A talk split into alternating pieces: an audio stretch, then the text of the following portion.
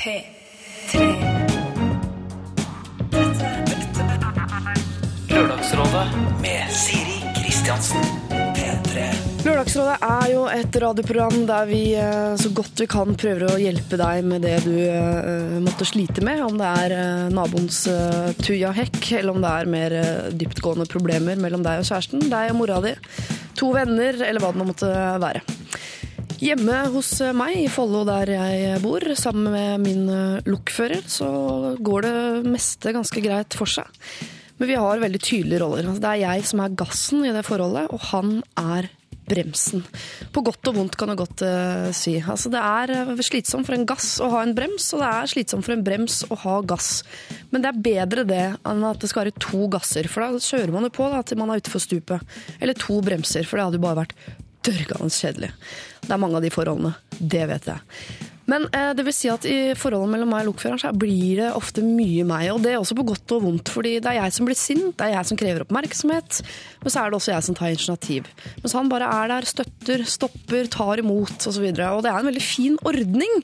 Eller da, et fint forhold, som man også kaller det. Men det er jo mine ord. Hva tenker egentlig han? Altså bremsen. I dag så skal vi hjelpe han. Ikke min han, men en annen sin uh, han.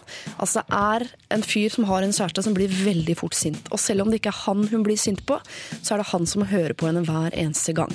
Selv er han av den sindige typen, men han er også da ditto langsint.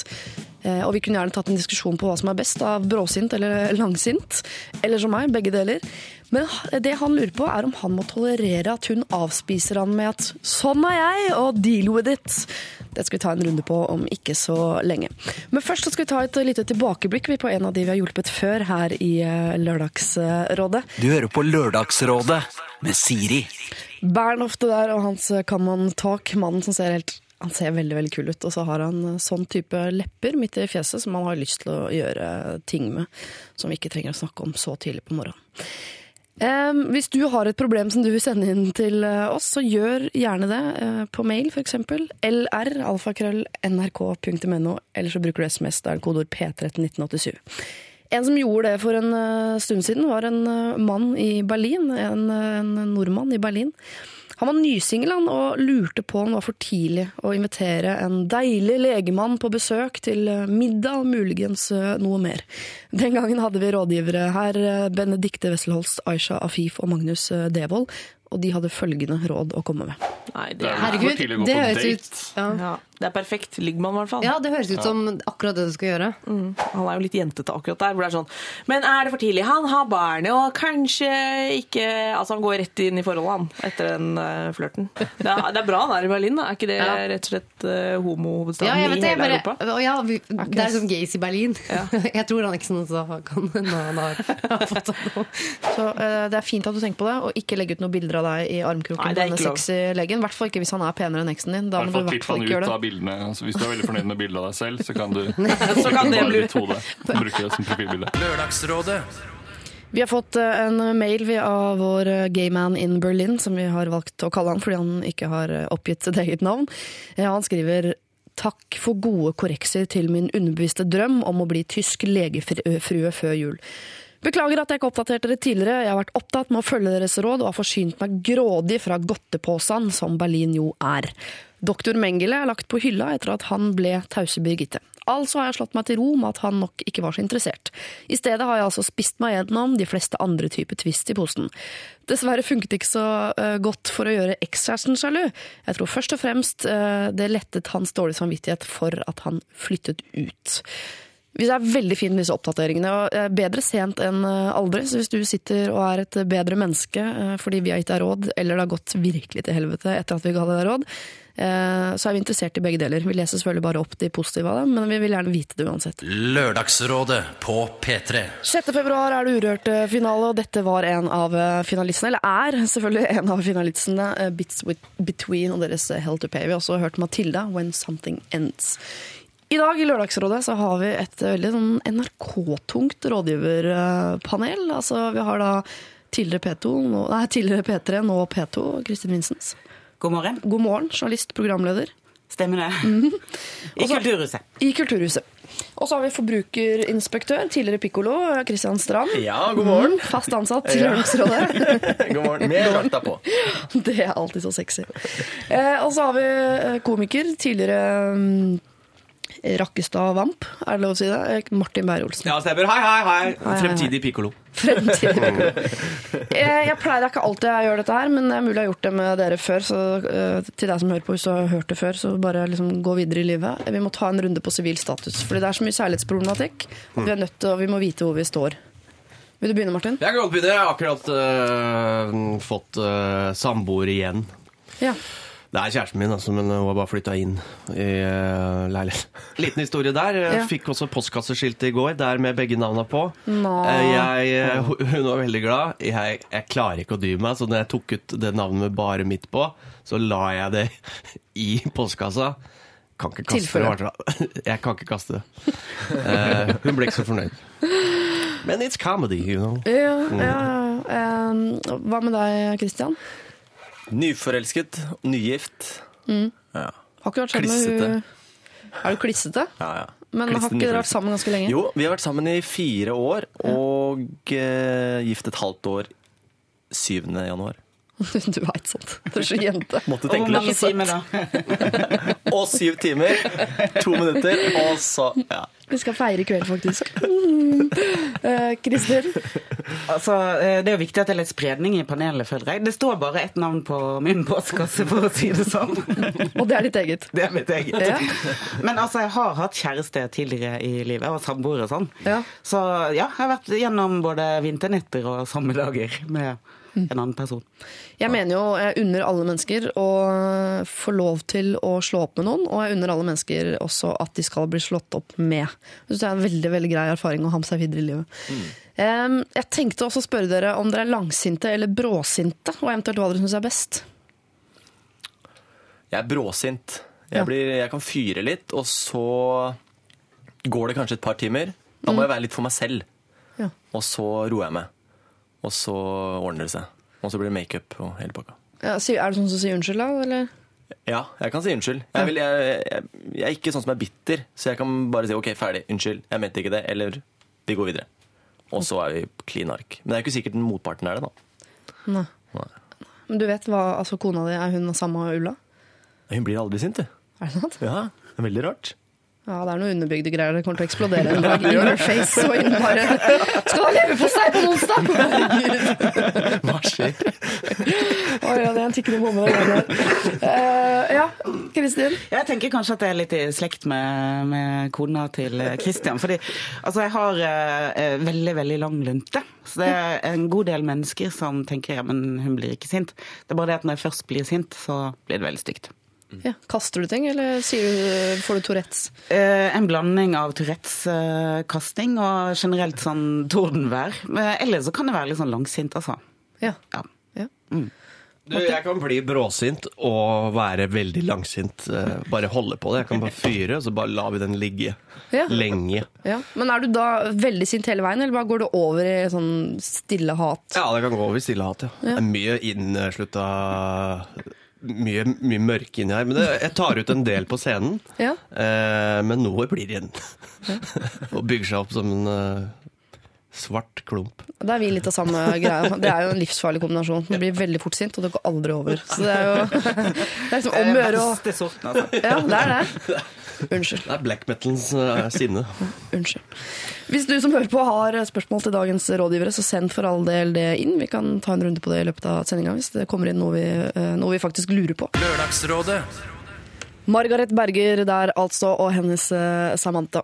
Vi skal ta eh, morgenens første problem, og hvis du akkurat skrudde på, så kan jeg jo da informere om at det er Martin Beyer-Olsen, komiker, eh, programleder, journalist Kristin Vinsens og forbrukerinspektør Kristian Strand, som sitter i, i Lørdagsrådet i dag. Det er en gutt som har sendt inn. Hei, vakre Lørdagsrådet. Jeg er en gutt på 20 år med en vakker samboer på samme alder. Vi har det flott sammen og trives i grunnen godt. Problemet er at hun har et ganske eksplosivt temperament.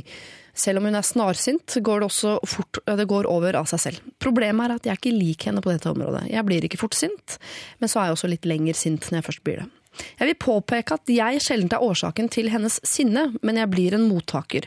Hun mener selv at hun ikke mener de tingene hun sier, og jeg skal ikke ta de plutselige utbruddene hennes så alvorlig. Dette gir meg timer med hodebry og nesten søvnløse netter. Og spørsmålet er hva skal jeg gjøre? Kan hun bare si 'sånn er jeg bare, deal with it', eller er det en ansvarsfraskrivelse? PS, hun er virkelig fantastisk, men jeg lurer på om det eh, tar på for mye eh, når jeg får kjeft eh, hver gang hun har en dårlig dag. Hilsen Eple 20. Altså Må han holde ut med kjæresten sin eh, sitt sinne bare fordi eh, sånn er hun, og sånn er det, liksom? Jeg eh, kjente meg litt igjen fra et gammelt forhold der, faktisk. Ja. Eh, hvor jeg var sammen med en som fyra veldig, veldig lett. Eh, selv om det ikke hadde noe med meg å gjøre. Så kunne jeg føle at når jeg kom hjem, så måtte jeg gå litt på påhev da, Ja. på enkelte ting. Og det er faktisk utrolig slitsomt, da. Fordi uh, du tenker litt gjennom nesten litt sånn skal jeg kulen hjemme? Jeg skal kulen ute et par timer til og regne med at det er litt hyggeligere å komme hjem. Men det er noen som bare Altså det er noen faktisk som, som fyrer og blir veldig sinna på veldig små ting, da. Det kan være at ting ikke fungerer hjemme, eller at uh, noe på jobben tas med hjem. Uh, og hvis man da ikke er på samme bølgelengde, så er man rett, i, rett og slett på kollisjonskurs. Da. Ja. Og jeg merket at jeg syntes det var veldig slitsomt i lengden. Ja. Mm. Du gikk ut av det forholdet? ikke sant? Jeg, ja, jeg gikk ut av det Du gikk forholdet. ut av jeg det gikk forholdet. ut av det Ja. forholdet. Og det, men så klart, det er jo noen som takler sånt bedre, da. Ikke sant? Det er noen som kanskje er eh, mer samstemt, og kanskje fyrer man likt, og så eh, er det så blir man kanskje rolig sammen igjen. Men for en som ikke er langsint, for eksempel, da, som meg, så var det Syns jeg det var litt sånn vanskelig, da. Ja. Ja. Men her sier han jo eh, at de ikke er samstemte. Og det er vel egentlig ingen som syns det er kult å være sammen med en som eh, får raserianfall eh, i tide og utide. Det er veldig uforutsigbart og, slitsomt, som du sier, Kristian. Jeg tenker at eh, Han vil jo gjøre henne en tjeneste hvis han foreslår at hun kanskje går og får noe hjelp for de problemene sine. For uh, hun kan jo få problemer i arbeidslivet og med venner. Og tenk hvis de får barn. Det, da får de sånn engstelige unger som uh, går livredd for at uh, mamma skal sprekke til enhver tid. Ja. Det fins hjelp å få for raseriutbrudd. Selv om hun kanskje ikke ser på det som et problem sjøl, så tar hun det kanskje på alvor hvis han tar det opp med henne på en ordentlig måte. Hvis ikke det er sånn humorsinne, da, kan du skjønne hva det er? eh, Altså, jeg kjenner meg jo igjen i det, kan, øh, i uh, ho, men det hjelper jo fra den andre siden å snakke om det. Altså, her, hva er det som ligger i bånn her? Eh, her er det noe du har med deg. Dette, jeg ser jo at dette ikke Det handler jo ikke om da han. Det handler jo om et eller annet som gnager inni der. Det er noe utilfredshet, eh, noe uforløsthet. Kanskje noe misunnelse ute og går. Sånne ting som man eh, som enten får hjelp eh, for, som Kristin sier, helt enig, eller altså sånn, i hvert fall det å snakke om det. Her er det noe. noe sånn, jeg ser at det ikke er deg, liksom. Ja. For Er det noen som tenker at han kan endre henne på dette her? Det er veldig vanskelig å endre et annet menneske. Det må de jo faktisk Alle må ta fatt i seg sjøl. Men han kan i hvert fall gjøre en oppmerksom på at dette er noe han tenker mye på. Ja. Så vet hun i hvert fall at eh, han syns faktisk eh, at det er et stort problem, da. Det tror jeg er Ja, viktigst. og så, det er jo litt sånn som Martin sier, at det ligger, altså, mye av det her er jo den kommunikasjonen som ikke fungerer. da. Fordi ofte så er det jo en person som er litt usikker. da. Og hvis man er usikker, så kan man også ofte bli eh, sinna hvis noen f.eks. kommenterer på ting som du har vært litt usikker på. da. La oss si at du har gjort noe hjemme, og så har du egentlig vært ganske usikker på om det er riktig, og så får man en kommentar på det. da. Ja. Og da kan man fyre, ikke sant? Fordi Ja, men hva mener du med det? Hvorfor er det ikke sånn? Eh, og så mener man ikke noe vondt med det, men fordi den andre personen er mer usikker enn det man kanskje tror, da, eh, så har man et reaksjonsmønster som er at man rett og slett blir eh, sinna, da. Ja. Jeg, jeg på en måte tolket uh, jenta i forholdet her litt annerledes, sikkert fordi man eh, drar seg selv med inn i alle sånne problemer som, som kommer inn. Jeg tenker at, henne så, at hun blir sint hele tiden, kan være mer sånn derre Åh, hun i Idol som gikk videre synger så himla dårlig, og hva er det som skjer, hva er det som skjer med samfunnet? Må folk gå på bussen før eh, At det er sånn type, ikke sant? Ja.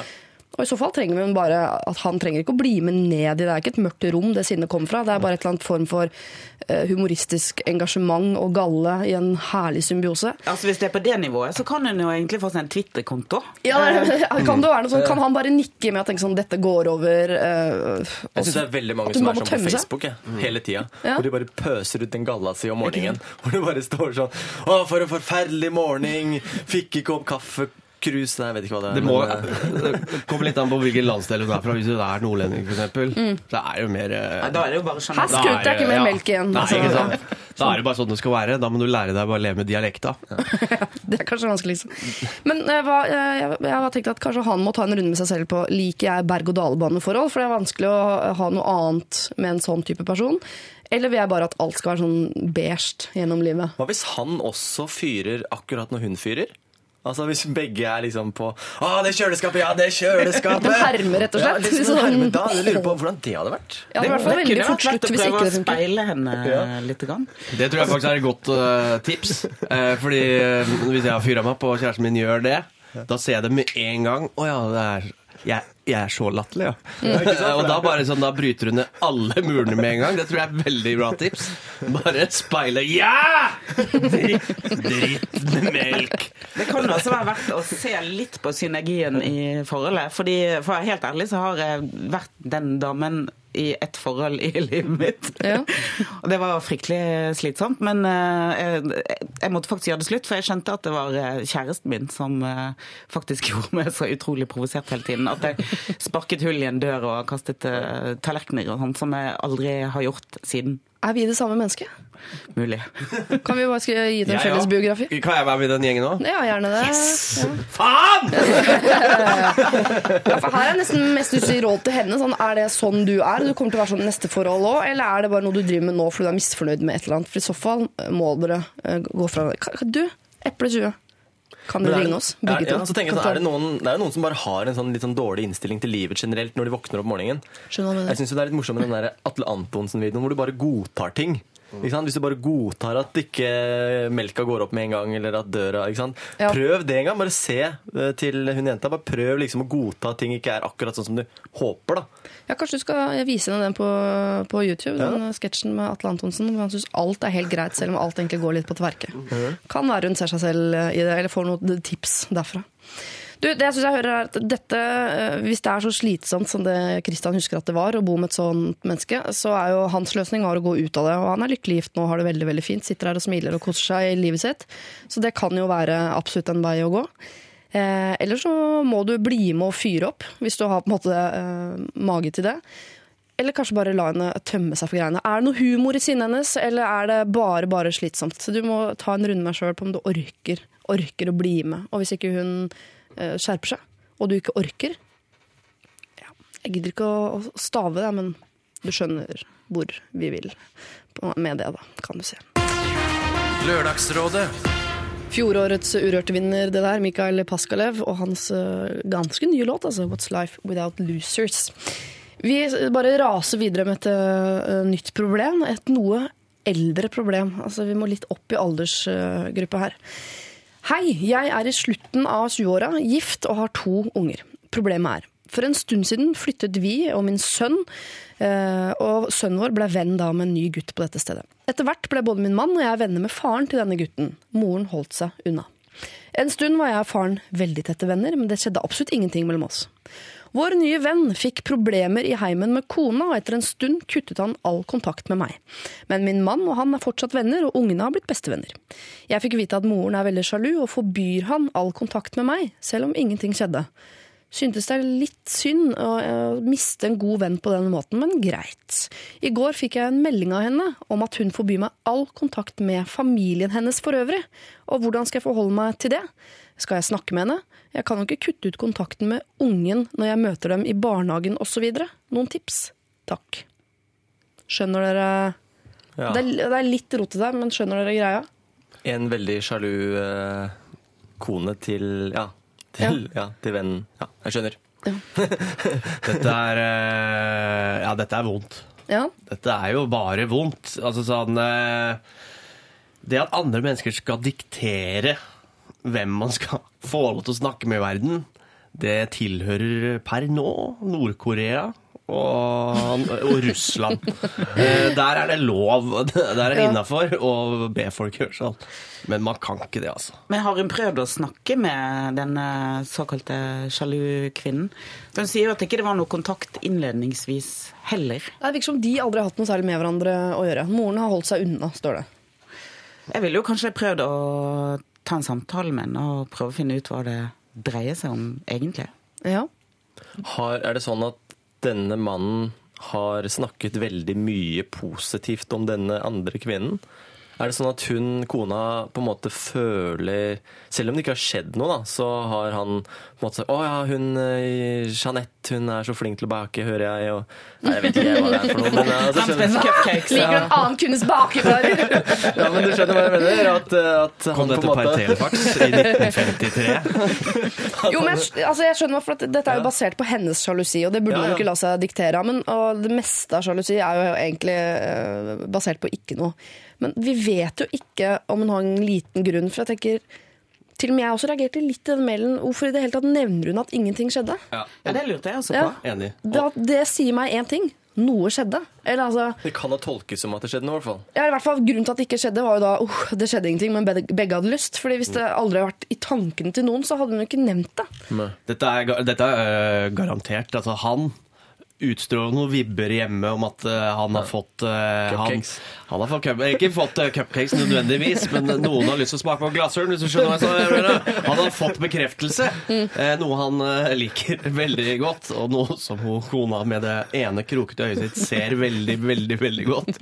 Eh, Ja. og, det, og det er jo klart det blir dårlig stemning av det. Man skal jo aldri undervurdere kvinnelig intuisjon heller, mener eh, jeg da. Altså, den, hun som skriver inn vet jo ikke helt hva som har foregått hjemme hos dette paret, antageligvis. Han Kan ha brukt feil navn osv. i feil sammenheng. Og det kan jo hende at hun, eh, denne dama er, er hun sånn superflott, går i sånne trange skjørt, og så er liksom kona, hun andre kona hjemme og kommer aldri ut. Og liksom, er det noe sånn, er det noe sånn forholds...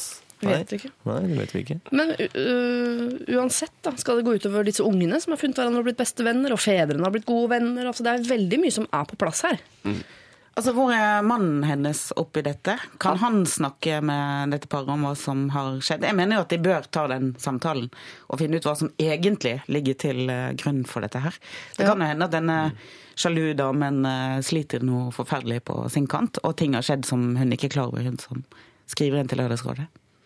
Ja, for jeg kan se for meg at hun, uh, denne sjalu moren også er en sånn som ikke så lett kommer i kontakt med folk. Kanskje hun er litt ensom, og så er hun sammen en sånn fyr vet dere, som alle elsker, og som alle blir venn med med en gang. Og så sitter hun og føler seg litt sånn forsmådd da hjemme i stua si. ikke sant? At det er noe Jeg tenker også at kanskje hun, de to er nødt til å bli venninner. Det tror jeg. Ja, Ja. De er nødt til å snakke sammen. Ja. Hoppe over gjerdet der, ja. Ja. Mm. ja Hun har jo sendt en SMS. Det er jo eh, altså et slags, Det er jo noe kontaktsøkende i det. Det er jo de voksne som må ta ansvar her, for det er jo ikke Definitivt. barna sitt eh, problem, dette her. Nei. Men fram til det eventuelt, hun lurer på hvordan skal jeg forholde meg nå. Eh, altså, hva når hun møter sønnen i barnehagen? Hva gjør hun? Kan Hun ikke kan, nei, hun kan jo ikke slutte å ha kontakt der. Men øh, kanskje, det er det, kanskje det er der måten er for å ta kontakt. da. Hvis de møtes på sånn litt sånn tilfeldig måte, så kan man kanskje begynne å prate på veien hjem, eller jeg vet ikke. Istedenfor å ta sånn 'nå tar vi et oppgjør', men mer sånn du, jeg skjønner ikke helt hva det er du mener.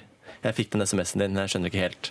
Og så er man på en måte litt sånn i gang, da, uten at man setter seg ned liksom, 'nå er det seriøst, nå skal vi prate om det'. Så bare sånn, du, Eh, kanskje man kan bare få vite litt grann der. Kanskje hun da begynner å fortelle litt grann om at mannen hennes eh, har fortalt ting som gjør at hun blir usikker på de to. ikke sant? At man der allerede der kan begynne å Kanskje han har vært utro en ti-tolv ganger før med andre damer i barnehagen. Ja. Det vet vi jo ikke. Nei, det vet vi ikke, men eh, jeg tipper, eller sånn fra min barndom og mye sånn eh, alle som foreldres venner og sånne ting, mye av det jeg tror at det kan løses på fotballcup, eh, for man er mye sammen på fotballcup. Der er mange foreldrepar og sånn, og så den bondinga, i hvert fall som foreldrene mine gjorde med mange av de andre kompisene mine foreldre, var jo på, i Løkken da, og sånne ting. Ja. På fotballcup. Hvor det var Dana Cup. Ja. Kanskje meld dere på Dana Cup, er Ja. vel mitt råd eh, oppi det hele. Det er uten tvil det mest konkrete rådet så langt. Eventuelt duell på Ekebergsletta eh, tidlig om morgenen før Norway Cup. Men altså, jeg syns jo som sagt eh, at hun skal snakke med denne damen, men ikke si 'det skjedde ikke noe', altså. For som det har blitt sagt her, det, det oser et eller annet uh, ubehagelig av den setningen. Ja, For den setningen skal ikke være nødvendig å si hvis ikke noe skjedde. Det bare virker veldig sånn eh? Ja, nå dekker jeg over noe greier her. Eh, Dette vet vi ikke, altså. Men du, kjære deg som har sendt inn eh, selve problemet. Det er ikke meningen å sitte og si at, at du lyver i mailen, det er ikke det vi prøver på. Men nå, til og med vi får vibber på at det kanskje har skjedd mer enn det du skal ha til. I hvert fall ikke fysisk, men at det mentalt har foregått et eller annet mellom dere som er litt sånn ugreit. Så kan vi til en viss grad skjønne en allerede sjalu uh, kone. At hun også kan føle litt på, på de vibbene der. Så dere må snakke sammen på en eller annen måte. Enten at du svarer på den SMS-en, eh, du tar det når du møter en tilfeldig i barnehagen. Eller som Martin sier, veldig konkret, melder meld dere på Dana Cup, f.eks. Og så, og så tar dere det der. Løser seg over en rød pølse. Alltid. Vi i Lørdagsrådet i dag, altså Christian eh, Strand, eh, fast medlem av Lørdagsrådet-klubben, må kunne sies. Du er veldig snill og flink på Facebook, som sier fra til alle vennene dine og Ja, skaper sånn blest rundt moroa. eh, veldig hyggelig, veldig hyggelig å være her på lørdagene. Ja, ja, men det får jeg inntrykk av også. Ja, Kose meg. Martin Beyer-Olsen også vært med mange ganger etter hvert. Mm. Ja, jeg sitter og hoster og harka sammen med deg. Vi hadde en Hva? sending sammen en gang hvor jeg fikk sånn hosteanfall. Du måtte ta over sendinga, husker du det? Nei, det husker jo, ikke. det husker du.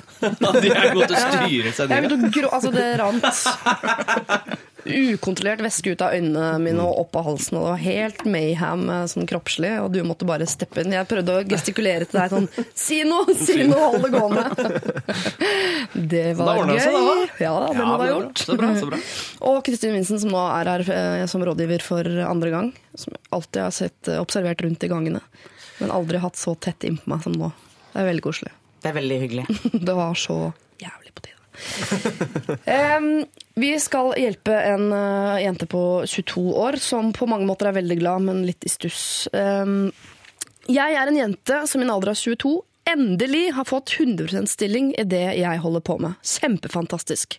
Men bomben kom i går da jeg tok en positiv graviditetstest. Jeg har fra før av marginale sjanser for å bli gravid, så dette er en gladnyhet. Samtidig sitter jeg her med en ny jobb med seks måneders prøvetid som jeg virkelig vil ha. Hva skal jeg gjøre? Kan de sparke meg fordi jeg er gravid? Skal jeg si det nå, eller skal jeg vente? Med vennlig hilsen lei seg dame. Altså denne, dette var en SMS som kom inn forrige lørdag. Jeg sjekka arbeidsmiljøloven, og det var som jeg antok. Arbeidsgiver kan ikke sparke deg pga. graviditet, ei heller i prøvetiden. Så det er spørsmålet om hun eh, skal hun si noe nå, eller skal hun vente? Fordi sjefen kan jo finne på en annen grunn. Ja. Skal man ikke uansett vente litt? Hvis det er ikke dette veldig tidlig? Å si fra til noe som helst? Jo, for Kan vidt. Kan ikke si fra akkurat på samme tidspunkt som du sier fra til alle andre i livet sitt? Ja, altså på tre måneders uh, Ja, Jeg er ikke Grense. så bevandra i det, men jeg ville jo sånn av eh, min fornuftstanke Ja. tenkt det. Ja. Og at arbeidsgiver teller et hakk mindre enn mor og far. ja. Ikke sant? ja. Men er dette en uh, jobb hvor, uh, hvor det ikke går an å kombinere med å være gravid i lang periode? For det er jo sånn at, eh, det er jo, altså, som du sier, i forhold til arbeidsmiljøloven, så kan man jo ikke sparke noen som er blitt gravide. Og som Martin sier, så er det kanskje greit å vente et par-tre måneder også, for det er jo ikke sikkert at ting går riktig veien. Eh, Og arbeidsgiver trenger jo ikke å vite det. Men samtidig så er det jo ikke noe som sier at eh, hun ikke kan stå i arbeid Nå vet ikke jeg hvor lenge man pleier å stå i arbeid når man er gravid, da, men la oss si syv måneder. Ja, mange hele veien ut, bortsett fra de siste tre ukene. Ja, Når man jo har fri, og da tar man jo fri. Og, ja, og hvis hun er en arbeidstaker som eh, arbeidsgiver veldig ønsker, da, ikke sant? så vil nok kanskje den arbeidsgiveren si greit. eh, Vi gir deg et år fri, og så kommer du tilbake igjen etterpå. Jeg tror nok i hvert fall NRK hadde gjort det på den måten. Ja, ja, ja. NRK hadde gjort det. Men eh, jeg- jeg tror de er forplikta til det. Men det hun kanskje er redd for, er jo den Altså det eh, det ryktet hun kan få, har antageligvis, sånn rent statistisk sett, en mannlig sjef eh, som kan rynke litt på nesa når hun eh, dagen etter prøvetida har gått ut. Han sier hun gratulerer, for man blir automatisk fast ansatt med mindre noe annet sies i løpet av prøvetiden. Så er man fast ansatt etter seks måneders prøvetid. og da kan det være litt sånn på seks måneder og én dag sånn Å ja, uh, by the way. om to måneder så Men hun vet jo at han ikke kan eh, si henne opp eh, på grunn av graviditeten, så jeg tenker at det er jo viktig å være ærlig når den tid kommer. Nå begynte jeg å hoste fordi du fortalte den historien i stad. Veldig god historie. Eh, For det er jo ikke sånn at hun kan være gravid et halvt år og så si Oi, jeg oppdaget plutselig at jeg skal ha barn. Nei. Det er jo bare sånn som skjer med en del veldig unge mødre som stiller opp i media og sier 'jøss, jeg skjønte ingenting', og så Jeg fødte på do, jeg. Men det er jo altså, det er utfordringen med å ansette jenter som er i den alderen nå, da. Ja. Ikke sant? Som arbeidsgiver så må man jo vite at eh, jenter i 20-årene en eller annen gang vil eh, prøve å få barn, og få barn. Ja. Eh, og det må man jo som arbeidsgiver også vite, da. Eh, men så kan man, som du sier, at noen arbeidsgivere sikkert blir litt sånn spekulerer om dette. Nå har de nettopp fått fast jobb, og så ble du gravid og sånn. Men man har jo ikke noe mulighet til det. Ja, det Og så bare... sier hun jo også at hun, det er ikke selvsagt at hun skal bli gravid, så hun må jo bare presentere det som den fantastiske gladnyheten det er. Ja. Hva skal han si da? Nei, jeg syns du skal eh, ta abort, og så får du klare det uten barn. Nei, det eh, kommer han ikke til å si. Men eh, hvis hun, hun har jo fått to ting hun har kjempelyst på samtidig. Altså fått eh, den drømmejobben og blitt gravid. Men, ja. Må, sette, altså, hun må jo ikke sette det opp på hverandre, for hun har jo alle muligheter til å beholde begge deler. Men det burde jo Hun går rundt og er lei seg, dame, når hun har fått drømmejobben. Hun burde ikke være lei seg. Hun burde bare tenke at hun har vunnet eh, både Lotto og på V75 samtidig. Ja. Bra, bra kombo. Men det er jo to utfordringer her, altså for hennes del. Det er jo at, eh, nå skal ikke jeg snakke negativt om det å få barn, men eh, hun sier at hun har fått drømmejobben, eh, og hun er 22, ung. Eh, det kan jo også være en utfordring videre i livet eh, å være så ung og jobbe med et barn. Ja. Eh, og det som kanskje er en drømmejobb i dag, kanskje ikke er en drømmejobb om ti år, f.eks. Eh, jeg vet ikke hvor jeg skal med det, men jeg, vet, jeg tenker bare at um, Det er lettere å utsette barnet enn å Det- utsette drømmejobben. Nei, altså, man må tenke gjennom det, da. Ja. sant? Når man får barn så ung at kanskje er ikke den drømmejobben som står foran deg nå, det som blir en drømmejobb når du får et barn.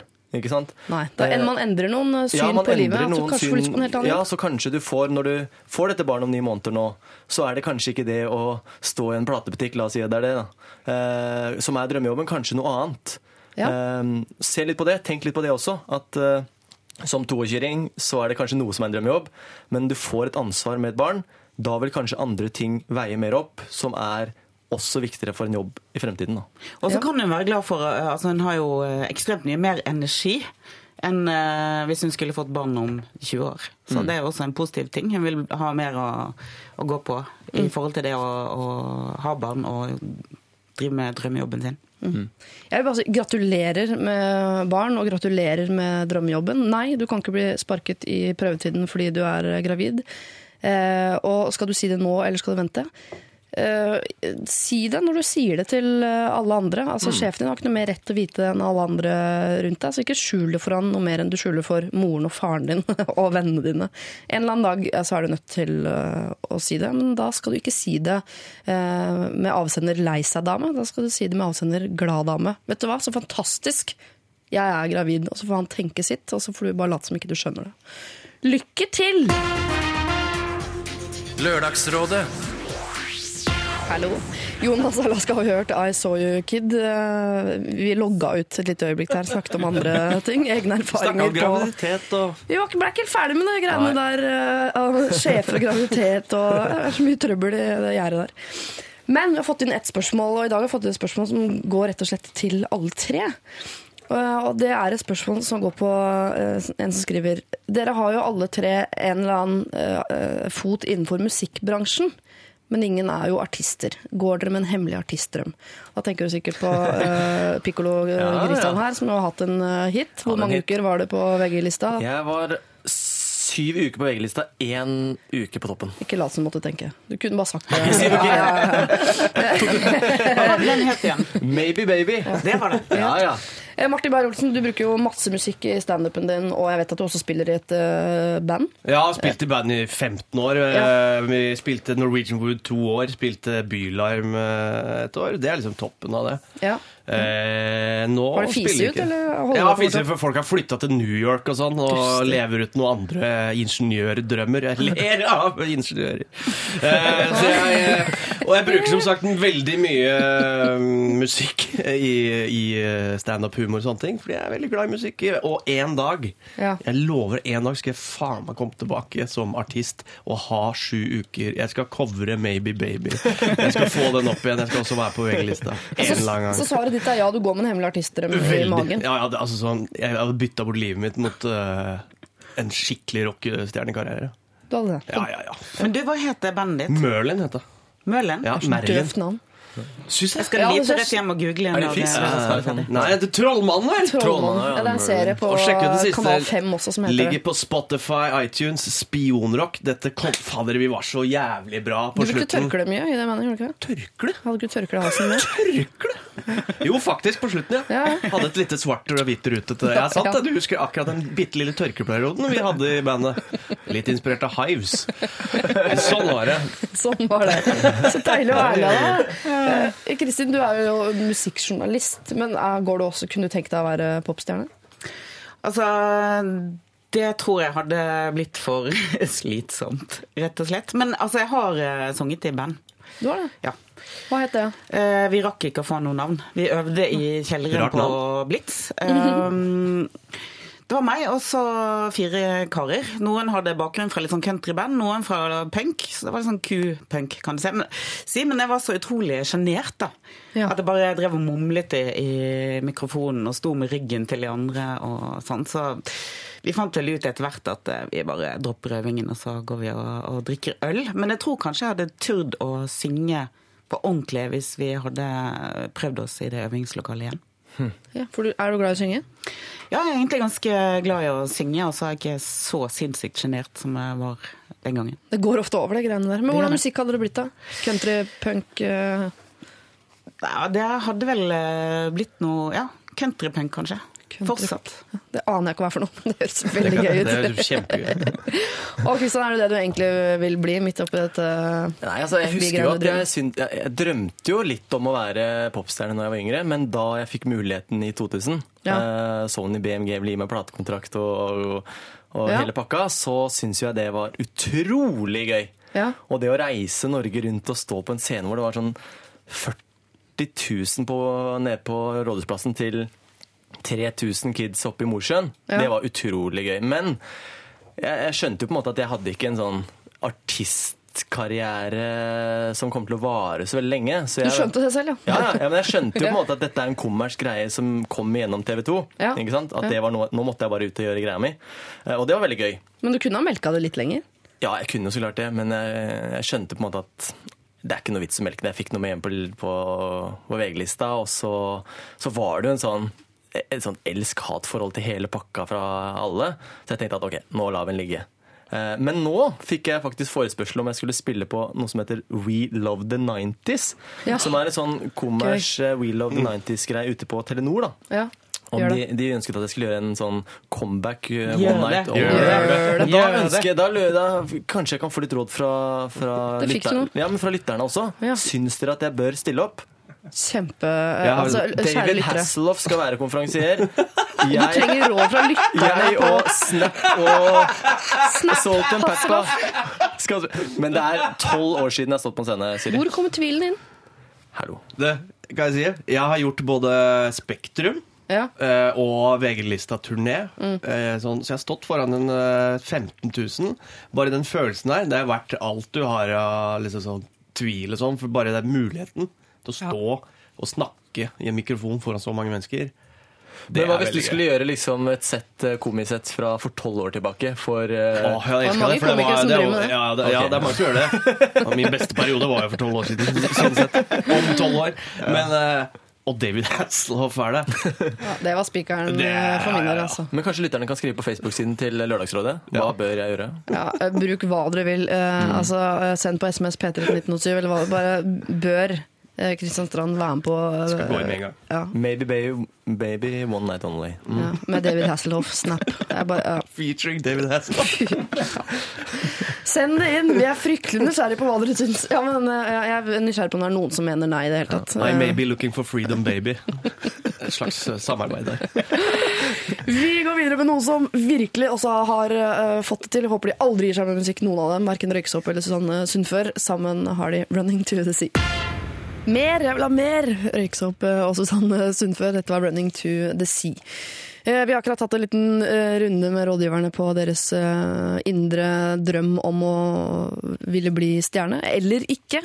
Og vi skal snakke mer faktisk om eh, det å eh, drive med musikk om ikke så lenge. For vi har fått inn et problem fra en i en eh, sangtrupp der det har kommet et nytt medlem som elsker å være med, elsker å synge, men som dessverre synger veldig surt. Og de tør ikke å si fra. Det skal vi ta en runde på snart. Men først eh, så skal vi ta en liten, eh, et lite tilbakeblikk. fordi forrige uke så prøvde Lørdagsrådet å hjelpe en fyr som muligens hadde gjort ekskjæresten sin gravid. Eh, Ekskjæresten var gravid, altså, men hun var nå i et nytt forhold, og det var for øyeblikket litt vanskelig å si hvem som var eh, faren. Og denne nye typen han ville ikke ha noe barn, mens eksen, altså vår mann, han var mer enn klar for å ta sitt ansvar dersom det var hans. Et av problemene hans foreløpig eh, var i hvilken grad han kunne involvere seg før de deltatt visste hvem som var faren til dette barnet. Kunne dette nye paret bli enige om ikke beholde barnet, f.eks., dersom det egentlig var han som var faren osv. Han hadde masse greier som foregikk oppi hodet hans. Heldigvis var det tre eh, kloke hoder her også forrige lørdag. Gunhild Dahlberg, Petter Ness og Olli Wermskog, og de hadde følgende råd å komme med. Hvis skal ta dette sånn helt alvorlig som mann, hadde jeg vært han i den situasjonen, så ville jeg vært eh, jævlig redd for min egen situasjon. Og som, følelser. som, og følelser som far. Men jeg, jeg, jeg vil tro at det forholdet som er nå, ikke kommer til å vare hvis ikke han har lyst på barn, og så kommer det et barn, og så kommer den gamle barnefaren eventuelt inn i bildet igjen. og så... Jeg, jeg, jeg ville holdt ut, jeg. Det høres jo i hvert fall ut som de fortsatt har en ganske bra dialog, da, eller at de er venner, siden hun betror seg til han om hvordan den nye typen er. Ja. At han ikke vil ha far. Så det må han bare for guds skyld opprettholde, og ikke prøve å Altså den, den kjærligheten kan jo ha gått over, men det er veldig viktig for ham i den perioden å fortsette å flagge det at ja, men jeg er her, er jeg faren til barnet, så tar jeg fullt ansvar. Men eh, jeg skjønner jo han innsender. Han eh, må bare gå med en stor klump eh, av is og gørr og glede og sorg og smerte i magen i en tid framover. Ja, Lykke da til. det blir lett for deg å vite hvordan hvordan eksdama har det. Dere kan jo bære på dette her. På en måte. Det kan være litt gravide begge to nå fram mot fødsel. Ja. Med hver deres, da. En med barn og en med en slags iskont. Vi har fått eh, mail fra denne mulige barnefaren, og han skriver Nå har jeg hørt rådene deres, og her er en liten oppdatering. Deler av problemet forsvant av seg selv da denne andre typen ba eksen om å velge han eller ungen i magen. Hun valgte selvfølgelig ungen. Jeg har gjort det jeg kan for å tydeliggjøre at jeg stiller opp på alle mulige måter som jeg har muligheten til. Avstand og andre ting gjør at det er litt vanskelig å få god kontakt, men deres råd om å være gravid med en isklump var har en fantastisk beskrivelse, og dette rådet forsøker jeg å følge. Jeg prøver å være der, men uten å mase. Men det er tungt at ballen er på hennes halvdel, og hun holder den for seg selv. Jeg syns dere ga gode råd ut fra mitt dilemma. Dessverre er det en del andre omstendigheter som vanskeliggjør det hele enda mer. Men jeg må nok bare vente, være tålmodig, stille opp. Men takk for at dere tok opp problemstillingen. Du hører på Lørdagsrådet med Siri. Filty Rich er det der, og Hans Gal. Og han har uh, muligheten til å vinne da, altså Urørt-finalen 6. februar. Eh, men det er litt opp til deg, altså. Da må du jo gå inn og stemme da, på P3 sine hjemmesider. Uh, vi spurte vi om, eh, om Kristian Strand Ja. skulle stille opp på eh, Back to the 19s, eller Ja, heter det. We love the 19s heter det. We love the 90s. 90s. Ikke 90s. 19s. 90s, det er et helt Ja, annet det konsept. elsker vi også. Det elsker vi også. Det elsker vi også. Lyssky. Telenor Arena. Ja. We love the 19s. Ja, til Nord Arena. 40 000 mennesker! Ja, alle 50 år, eller 19. Eh, damene på Facebook-siden til Lørdagsrådet skriver 'yes, uten tvil' osv. Eh, mens eh, det da er en eh, som heter Rino som skriver 'nei, hold deg til det du kan, kjære Kristian'. Ja. Ja. Så da får du jo Jeg får tenke over det. Ja, du får, jeg kommer jo selvfølgelig til å mase på deg om at du skal si ja hele veien fram mot deadline. Bare så du vet det. Men vi skal holde oss til dette her med eh, sang, fordi vi har fått inn en mail som jeg er nødt til å synge her. Eh, nei, jeg skal ikke synge den. Jo, Jeg skal prøve. jo, jo, jo. Har du sagt? Ingen måte å synge den. Jeg skal lese. Jeg er med i en sanggruppe.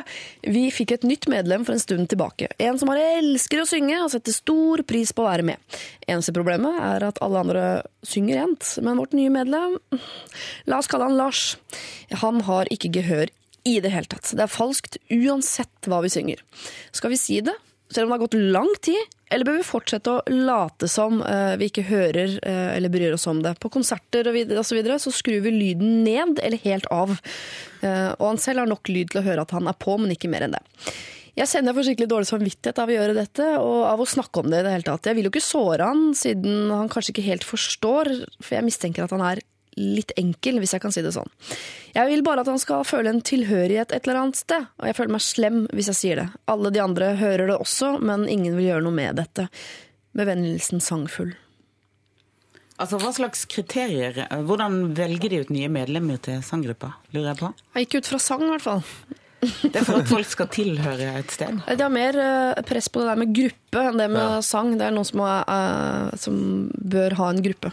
Det kan, ja, ja, altså Hvis de er en sånn gruppe som sier 'syng med den stemmen du har', hvis det Ja. på en måte har vært litt sånn inngangsporten, da, Ja. så er det jo på en måte greit. Men jeg tenker jo Er dette en gruppe som satser på sang? Satser på at folk skal komme på konserter? Ja, de har jo konserter og sånn. Ja. Ja. Da må man jo kunne si at et kriterium er at man synger godt. Det er jo litt som i et fotballag, hvis han på spissen ikke kan treffe ballen. Det er jo litt sånn synd og kjedelig for de som kommer og hører på, hvis alle tenker 'dette her var veldig surt'. Ja. Og da tenker jeg jo for hans sin del også, han som synger veldig surt. Det er kjedelig å stå på en konsert og oppleve at alle syns at du synger surt. Ja. Ja, hva er en sanggruppe, er vel det jeg sitter og tenker på her. Det er konstellasjon. eh. Et lite kor, Er det et kor, eller er det en- a cappella-gruppe som er sånn barbershop quartet, eller hva er det her? Vi kan eh, gå ut fra at det er et kor, ja. Det er kor, ja. Kor, akkurat, ja. Det er jo sånn eh, kor, der er det jo Når jeg sang i kor i ungdommen, så handla det om bare brus og damer. Eh, Uh, sosialt lag. Men uh, hvis det er profesjonelle intensjoner, så er det jo klart at uh, laget må levere. Altså, Det kommer jo an på ambisjonsnivået. Ja, det handler kun om det. Hvis de vil steder, så må de jo faktisk bare være ærlige mot vedkommende. Ja. Jeg har en venninne som gikk på folkehøyskole, hvor det var, det er det kanskje ofte på folkehøyskoler, obligatorisk kor. Hun har ikke gehør. Hun ble faktisk nektet å være med i kor. Men hun tok det ganske pent, altså, for hun har jo andre kvaliteter. det virker, ja. det virker jo som at de ønsker at, uh, at det skal fremstå som et bra kor, siden de tar opp dette her og lurer på denne personen synger ikke rent. Ja. Uh, men så trekker han fram da dette med tilhørigheten. Han er en litt enkel Ja. fyr, og, og at han, de vil at han skal føle tilhørighet og sånn. Det virker jo jævla greie da, i den sanggruppa. Men kan man, ikke, det er kanskje, eh, kan man ikke gjøre forskjellige ting i et kor? Eh, Må man, man trenger jo ikke ha på en måte Noen må blande saft, mener du? Noen må blande saft, og noen må hente korutstyr og sånn. Kan være turnéleder, eksempel. Ja, man kan, jo, Vaske man, kan ha, ja, man kan jo ha en funksjon Ja, ja. i koret uten å synge. Oppmann Jo, men. Hvordan gir man den beskjeden uten å si fra om at du synger surt? Da, det er jo da, da sier man jo du synger surt. Du kan få være med i koret, men du må blande saft. Ja. Det går kanskje an å finne på noe annet sosialt med vedkommende. Men altså, si at noen er enkle, det er sånn kodeord for dum. Ja, Det tror jeg. Ja. det er det. Ja, kanskje det. Eh, boy. men det virker som de har funnet en god løsning, synes jeg, egentlig, bare ved å skru lyden av på han på konserter. Hvis ikke han har merka det til nå, så hvorfor eh, kan ikke vi fortsette med det? Og han god på show? Hvis vi bare sier du, er så, du har så mye utstråling, og bare gi mer, få mer show. Ja. Vi skrur av lyden på deg, men eh, da har folk i hvert fall noe å se på. Ja, det er Fokolift-bandet, eksempel. De hadde jo en, eh, en fyr som sto foran på scenen som overhodet ikke sang, han bare danset. Det fungerte jo Men man kan jo noe, også komme langt ved å synge litt sånn halvsurt. Man kan jo det. Jeg, Altså Bob Dylan og Neil Ja. Har jo hatt helt greie karrierer. Ole Paus holder Ja. på ennå. Ja, han er jo kjempepopulær Ja, ja, om dagen. Ja, Hanko Helvete prøvde seg jo på Grand Prix for ja, en uke så det er jo ikke sånn at med en gang man sånn. synger surt, så har man ikke noe artistkarriere. Men da må man kanskje dyrke det på en eller annen måte. Jeg vet ikke. Hvis han er en litt enkel fyr, da, så kan han sikkert lett la seg overtale til eh, gjøgling i ymse retninger. Det tror jeg. Ja. Men jeg- og jeg- kor er jo Hæren flytter meg så kjedelig. Men jeg har et tips, Ofte, så det kan jo, det gjør ikke noe om han ene har sånn uh, narrehatt. Og hvis du, eksempel, nei, altså. men også hvis du vil være At du bare Fader, dette er jo så gøy. Du trenger jo han i koret. Ja. Som spirit. God spirit. Jeg. Jeg husker jo da jeg skulle spille inn plate. Ja. Eh, Det var jo ikke alltid at jeg sang like rent. Eh, Nei. Og det fins jo i dag, i 2013, en del hjelpemidler for å synge ganske rent. Eh, For eksempel så kunne jeg sunget noe nå, men så kunne du justert med noe som heter autotune. Ja. Som er en sånn Brukes det mye kor, tror du? Nei, men man kan, kanskje man kan spille inn noe plate i et studio, og så liksom lage en sånn a cappella vokalgruppe, og så bruker man denne funksjonen, så lyder jo alle ganske sånn OK, da. Altså, det, det er kjempebra tips. Og til og med Beyoncé altså, hun lipsynket jo Ja, eh, nasjonalsangen. forleden. Ja. Men jeg tror også det handler om i kor. De får kanskje ikke så mange sånne eh, innspillingsmuligheter. Eh, og hvis man spiller inn, går i, kor, går i platestudio, de gjør det. Spiller inn enkeltstemmer, og så hører de på én og en stemme, og så da tror jeg bare en han eller hun som da var det en han, jeg husker ikke, som eh, synger surt, vil jo da høre Oi! Ja, det kan være at man han hører ikke sin egen stemme sånn når man synger ut. Men, kanskje de skyr seg selv i foten ved å skru ned lyden hans? At de skal ofre en konsert liksom, hvor han virker så hørt. Er det dette jeg driver med? Det er jo flaut, jeg må slutte med en gang. Skru den opp. Ja, det jeg må si at jeg spilte basket mange år helt til jeg ble filmet og måtte se på det. Så tenkte jeg sånn, det der må vi slutte med. Og det med en gang. Men går det ikke an å gå til kortrening? Altså Nesten sånn som fotballtrening. Man kan, altså jeg var ikke noe god til å spille fotball, men jeg ble jo god av å ha en god trener. Ja. Går det ikke an å gå til sånn vokal... Sangpedagog? Det Ja, sangpedagog, ja. Sangøvelse. Hvis han da eh, har lyst til å bli en eh, korist, en god korist, så tror jeg kanskje at det er bra hvis bandet sier til han du, du synger ikke helt rent, men det er muligheter for at du kan gjøre det. Her har vi en uh, vokallærer som Mm. er superflink. Uh, vi spanderer det. Her har du 5000 kroner brukt på pedagog eller auto, Tune. autotune. Ja. Du gjør som du vil.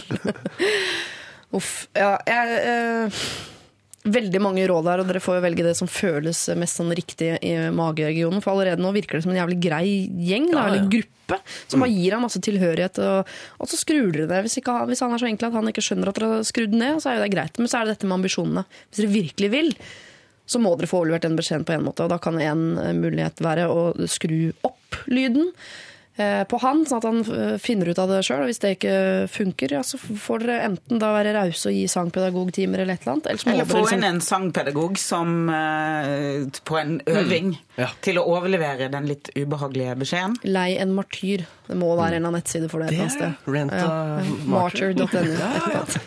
Det er beste. Ja, Martin går til å lage den siden i løpet av uka. Så det er bare Kan du å, du henge vente. litt på dette korset i fem minutter, så får du noen penger. ja. Eh, lykke til. Vi skulle veldig gjerne uh, hvis, Kanskje vi spiller det på P3 en dag? Hvem vet? Kan jo hende. Lørdagsrådet på P3. Det spør de om i Machine Birds og låta If I. Eh, Vi skal ta et problem i Lørdagsrådet. Er dere klare med å ta en runde på hvem som sitter eh, sammen med her i dag? Det er eh, komiker Martin Beyer-Olsen. Hei, hei, hei! Jeg skal spørre deg om en annen ting først. før Ja, vi går videre. ja. Det er mye skjegg om dagen. Mye? Ikke på deg, men generelt på ditt kull innen menneskeheten. Mitt kull! altså- 1980-kullet kjører altså, mye skjegg. Uh, altså, gjengen din altså, Det er mye folk nå rundt Mm, oss på din alder folk. med skjegg. Ja. Eh, er det mer skjegg enn vanlig? Ja, det tror jeg. Mye, altså, det er det litt inn å se ut som Uh, altså Er det den der etter den vedboka kom, eller sånn? For det er mye sånn lue, skjegg og Flanell. ja, Og flanell. Ja, men det er ja, ja, Hvor lenge har du hatt skjegg nå, Siri? Du veit jo det fire-fem år? Tre? Tre år? Tre. Tre år, kanskje? Jeg veit ikke. Jeg bare fant ut jeg ser bedre ut med skjegg. Trynet mitt kler skjegg mer enn uten. uten. Jeg fant ut uh, Dette kunne du ha sagt til meg veldig mye tidligere. Du har ikke hake, eksempel. Uh, Jeg har tenkt mye på det. ja, ikke sant? Det er det jeg sier. Du må bare si det, istedenfor å si det til alle andre. Jeg veit ikke hvorfor. Om det, er, det er jo vært en trend, skjeggtrend. Uh, Personlig så har jeg begynt å trimme skjegget for å få symmetri I fleisen. i fleisen. I fleisen. Rett i trynet. Så jeg veit ikke. Kristian Strand, du velger kjøre glatt. Ja, jeg tror ikke jeg får noe skjegg. Er det sant? Ja, jeg, Er du hårløs? Nei, ikke helt hårløs, men jeg, jeg får liksom ikke til sånn skjegg som Martin. er. Altså, hvis man hadde sett Martin nå, så hadde man tenkt det er, det er, han Det er kan få skjegg. skjegg. Ja. Mens jeg kan bare få litt sånn bart. Åh, Jeg ikke du? noe skjegg, liksom. Neste gang du er her i Lørdagsrådet, så stiller du med bart. Det sier jeg bare. Full bart og litt sånn dun. Ja. Du ser litt sånn pungaktig ut i fjeset. Det er så fint. Eh, Kristin Vincents, ikke så mye skjegg på deg. Nei, jeg, jeg pleier å, å være skjeggløs, som regel. Men nydelig, langt rødt hår. Takk for det. Men jeg føler at den eh, skjeggtrenden, som du sier, den kom jo før vedboka. boka og den kom med amerikansk indie-rock, tenker jeg, med sånn Band of Horses og Fleet Foxes og sånn. eh, og flanellskjorter. Ja. Det Og nå har det jo blitt forferdelig hipt, eh, har jeg hørt, i Brooklyn, som liksom er hipsterparadiset her på jord, å hogge ved. Ja. Det har det. Oak. Så jeg tror du er helt eh, innafor Ja, innafor i Williamsburg. Yes. ja. Hva går de på amerikanske Maxbo og kjøper Nei, nei, nei, og så det, hogger det fins en sånn der eh, øksedesigner som holder til i Brooklyn, som selger kjempedyre økser. Og det er akkurat en, den spesielle typen øks man må ha. da. Og så må du gjerne ha familie med skog eller noe sånt. For Ja, du kan ikke gå rundt i parkene i New York og hogge ned trær.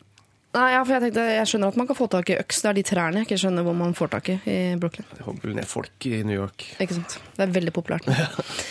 eh, jeg tenkte jeg bare skulle si at nå, eh, før vi går på et problem, jeg skal nemlig ta et problem som er et problem i seg selv er ikke så mørkt, men det dukker opp noen ordentlig liksom, triste og leie elementer i dette problemet. Så jeg vil at dere bare skal stålsette dere litt. Vi kan godt bare holde hender gjennom hele Madonna og hennes eh, Frozen. Lørdagsrådet Madonna dette her og hennes eh, Frozen. Veldig fin låt. Enda finere musikkvideo. Men det er gammelt nytt.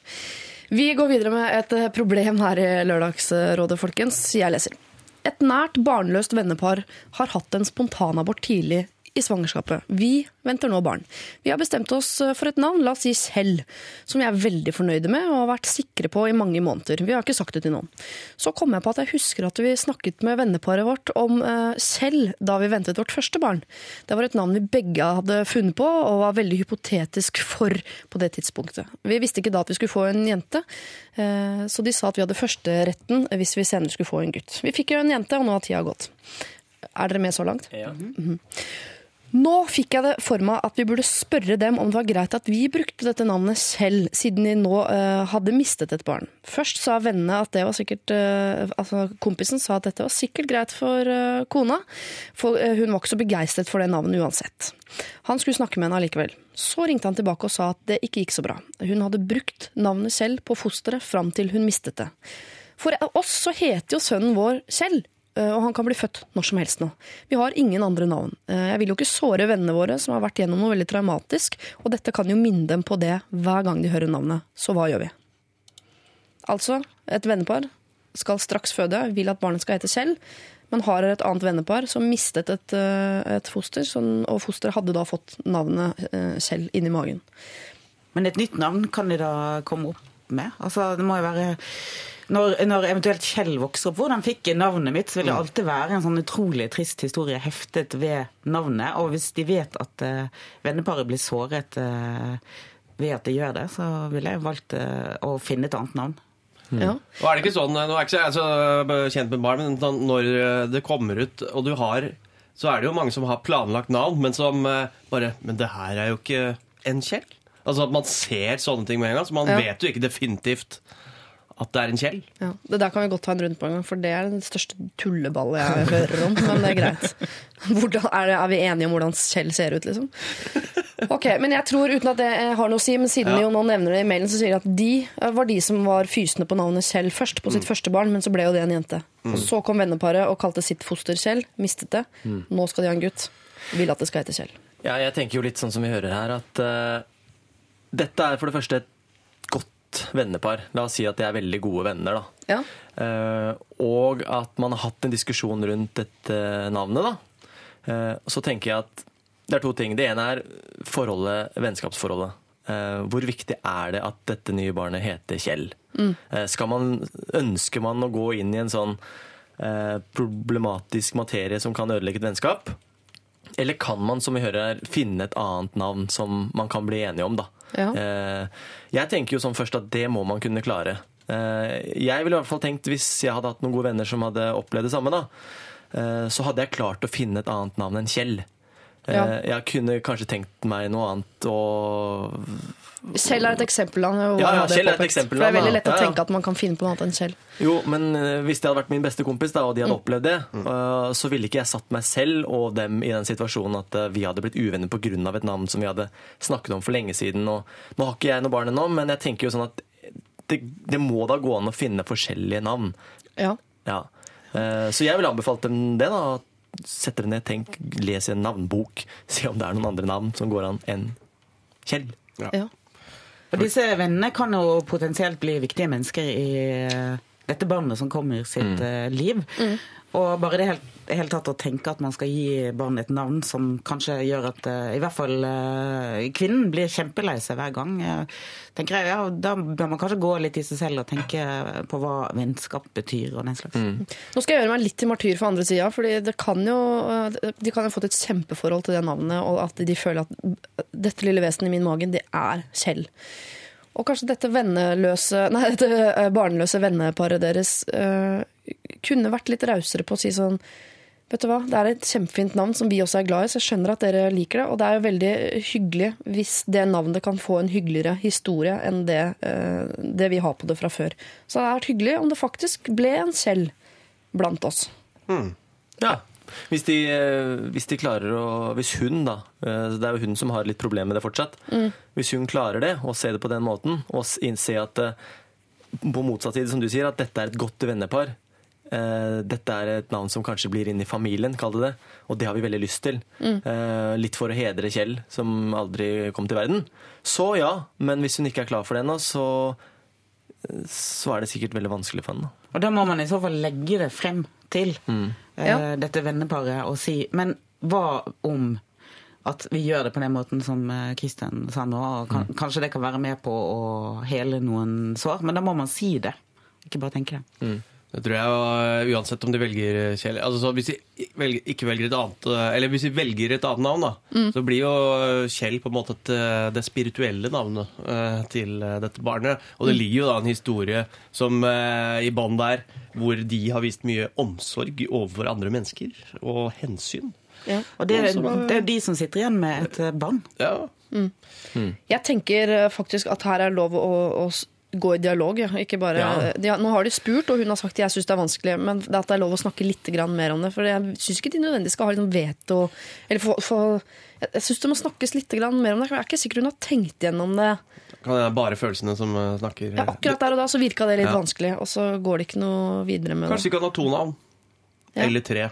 Vi er i 2013. Folk kan ha mange navn. Man kan ha vilt mange navn. Du kan hete Talula. Jeg fraråder jo det, da. Talula. Ja. Ja. Sånne type ting. Ja. Eh, spør en gang til, og snakk litt om det. Ikke bare send spørsmålet videre via og sånn. Ta en, en runde på det. Men hvis eh, det er sånn at nei, vi, vi ønsker ikke at barnet deres skal hete Kjell, så sier jeg som Shakespeare, altså. Hva er et navn, liksom? Da må, man, da må du bare ta en runde til med navneboka og finne på noe helt annet. Det er ikke så viktig hva folk heter. Lørdagsrådet Bruno Mars sin uh, veldig police-inspirerte låt, om jeg får si det selv, eh, 'Locked Out of Heaven'. Det kan jeg spørre deg om, Kristin kan alt om største stingkompleks, tenker jeg hver gang jeg hører denne her. Ja, jeg vet, er Bruno Mars Skriver han sin egen musikk, eller er det en eller annen produsent her som har noe eh, Memory Lane-greier gående? Jeg tenker at noen har tenkt at uh, nå er det på tide å ta akkurat det soundet som var sinnssykt populært på slutten av 70- begynnelsen av 80-tallet, resirkulere det, og så blir det en hit. Og det hadde de jaggu rett i. Ja, det ble en hit. Ja, for de har ikke spekulert i at det er ingen som husker det der police-greiene. Nei, eh, ikke blant de yngste, tror jeg. Men eh, fordi det fins jævlig mange Police, og ikke minst Sting-fans, så treffer det nok litt sånn i alle aldersgrupper, tenker jeg. Jeg har ikke turt å si det i og med at jeg jobber i P3, og jeg er fryktelig glad i Sting. Altså sånn, sånn som 60-åringer burde være. Eh, Men jeg liker han ikke eh, privat og personlig, da, for jeg syns han er litt for sånn uh, Han svinger litt for mye med kølla. Men eh, Er det den tantriske Sting- sexen som provoserer deg? Han er jo altså, ansiktet utad for swingersmiljøet. på er alle mulige Ja, han og kona Han er ordentlig møkte folk. Er det det? Ja. Og Afrikaforkjemper? Ja, Det er en grunn til at han liker å gå liksom eh, naken ned til. Det er ikke fordi han er veldig glad i regnskogen, det er fordi han, han orker å kle på seg mellom slagene. Men liksom. visste dere at den ene sønnen hans var i Oslo i fjor, og, øh, i Regnskogfondet, og drev og klistra frimerker eller noe sånt? Ja. Ja. Nei, det visste jeg ikke. Han har det involvert hele familien. Det er informasjonen jeg plutselig følte jeg måtte Men visste sønnen at faren hans og mora drev med altså, Men jeg er Jeg håper de ikke leser eh, aviser og, og er på VG-nett. og sånn. Ja, det er veldig Dette blir eh, privat, men for mange år siden så var jeg jo utro vet du, til Sting. Og etter det så ble jeg veldig glad i Sting. Det er jo mot sin hensikt i alle Men når jeg Du hører på Sting, så blir jeg utrolig glad. utrolig Når du sier utro til. Sting, eh, snakker vi om en låt eller et album eller Nei, til, altså en kjæreste. Altså var utro også med eh, sound Altså jeg hadde Sting i bakgrunnen. kan mm. Så jeg forbinder det med utroskap, men jeg er veldig glad i Sting allikevel. Og det henger jo ikke på greip. Jeg sier det fordi vi er et, eh, et radioprogram hvor man snakker om sånne ting. Og man prøver å gjøre meg litt mer er eh, folkelig. Hvilken Sting-låt var det? Eh, altså den uh, Moon Over Bourbon Street. God utrolåt. Videre. Vi har fått uh, SMS fra en gutt på 15 år som har uh, sendt inn Nei, unnskyld. En mail har han faktisk sendt inn, og han skriver Hei, jeg er litt betatt av en jente i klassen min. Problemet er at jeg er redd for å ikke være underholdende nok til å holde interessen hennes oppe. Kan dere gi meg noen tips? Hilsen gutt 15. Eh, Martin? Ja, jeg har masse underholdningstips. så Har jeg, sitter jeg jo generelt mye på. Når jeg var 15, så handla det jo om å underholde jenter. Det er derfor jeg faktisk jobber med det jeg gjør i dag. Fordi jeg har eh, brukt en tiårsperiode bare på å nekte å gi meg på å underholde for å imponere. Eh, blant annet så hadde jeg to år hvor jeg bare pekte folk på eh, Lata som jeg så noe bak ryggen på oss. Og de snudde seg. Og så tok jeg i skuldra, og så Du så. Det gjorde jeg i to år. Dro du med dame på det greiene Ja, faktisk eh, ja, faktisk så endte det opp med et forhold. Så det, eh, og det var ikke eh, den smarteste underholdninga jeg bedrevet. eh, Men eh, Anbefaler du til gutt 15 å ta opp tråden? Ja. Altså sånn, være bare prøv Ja, ja. Bra, ha det gøy. Være litt klovn? Ja, vær litt klovn. Tør å være litt klovn. Selv om de Ja, få de til å le av deg, fordi de liker det innerst inne. Jeg syns det høres slitsomt ut. Jeg har alltid måttet gå og føle at man må underholde Ja, andre. Det sånn, hvis de liker deg, så liker deg. Du må ikke holde show hver gang. Jeg, var, jeg husker jeg var ikke noe spesielt klovn på, på ungdomsskolen og barneskolen. og sånn. Så det var mange andre som var supermorsomme hele tida. Alltid fikk sånn oppmerksomhet i klassen når det ble sagt noe fra læreren, og alle snudde seg, og jentene bare åh, ikke sant. Men jeg dro igjen på idretten, husker jeg. Ja. Ikke sant? Fordi det var jo alltid sånn man i gymtimer ble valgt ikke sant, i, på lag og sånn. Eller man hadde fotballkamper. Og det var liksom min måte til å få jentene oppmerksomhet. da. Ja. At du viste at du var god i idrett og litt sånn amerikansk college. Du vet det der, gutta. Du var gutta. Ja. Jeg var litt sånn jock, og så var det cheerleaderne som sto på siden. Og så, «Åh!» ja. Det var litt sånn. Ikke noe veldig morsom, men hadde andre ferdigheter. Men det er ikke Det sikkert ikke han mener humor med underholdende. Altså. For man kan jo kjenne igjen det der uh, Klarer jeg å holde praten i gang? Kanskje han har sendt, eh, solgt seg inn som en litt sånn mystisk fyr som kan litt om musikk hun ikke har hørt om. Og så er det ikke noe mer enn det. Så på date nummer tre det er sånn Mm. OK, da har jeg name-droppa Bob Dylan, og da har jeg ikke mer. Skjønner du? Ja. Ja, altså Han burde jo finne ut hva hun er interessert i. Rett og slett. Eh, fordi så vidt jeg husker, så var det ikke bare de som var morsomme, eller de som var gode i sport, som eh, dro jenter på ungdomsskolen. Det var også de som faktisk viste genuin interesse for jentene. Og kanskje dro jeg med på riktig kino, eller spilte en plate man ikke hadde hørt og syntes var dritkul, og den type Men dette er jo litt sånn klassisk i dag også. Altså Selv om man er 15, så opplever jo veldig mange det samme i dag. Hvordan skal man få interessen oppe i en, under en date, f.eks. Ja. Eh, og det er litt sånn man sier at man må kanskje sette seg litt inn i ting da, før man skal møte noen eller skal underholde noen. Så ha noen ting man kan snakke om.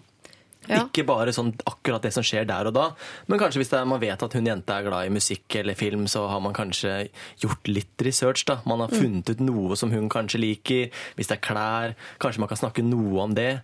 Mm. For det er jo utrolig viktig at man kan holde en eller annen samtale uten at den blir sånn ja, eh, og så må man liksom på neste steg hele veien.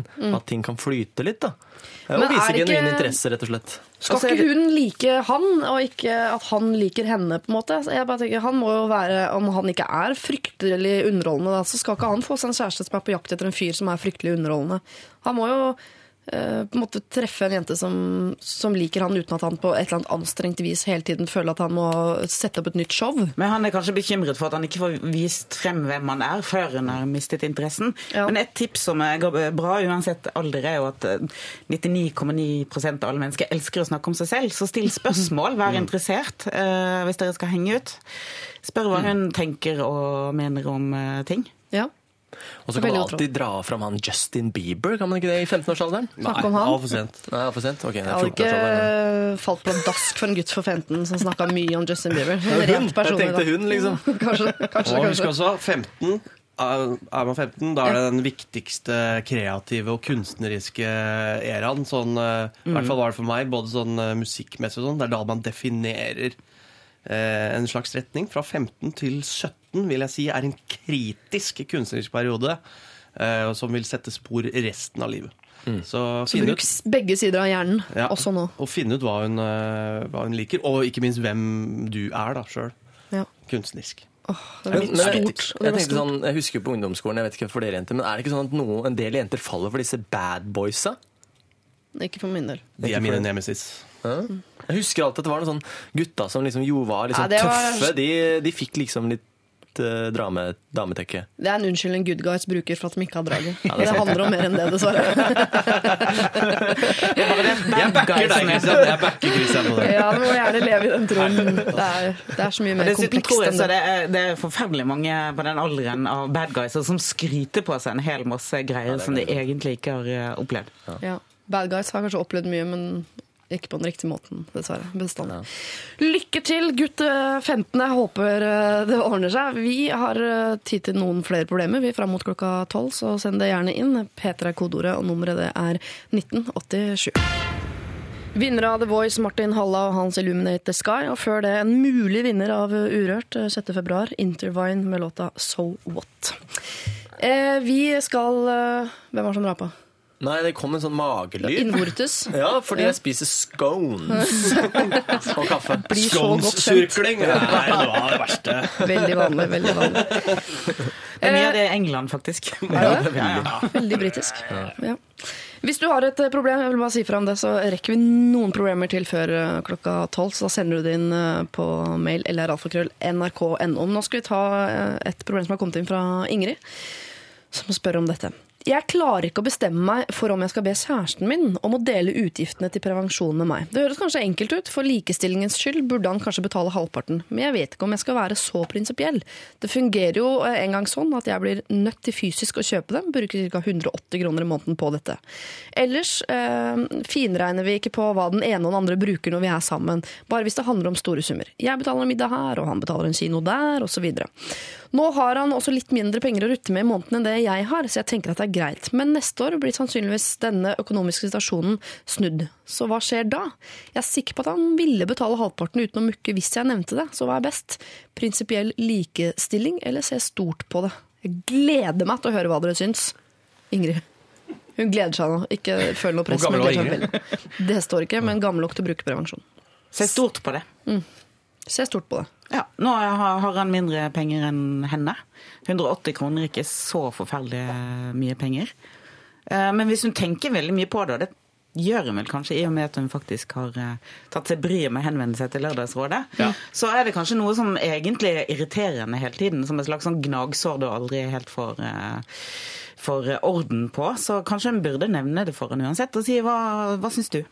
Ja. For det er ikke hormonene i p-pillene som snakker her. Fordi bør ikke han sponse i så fall.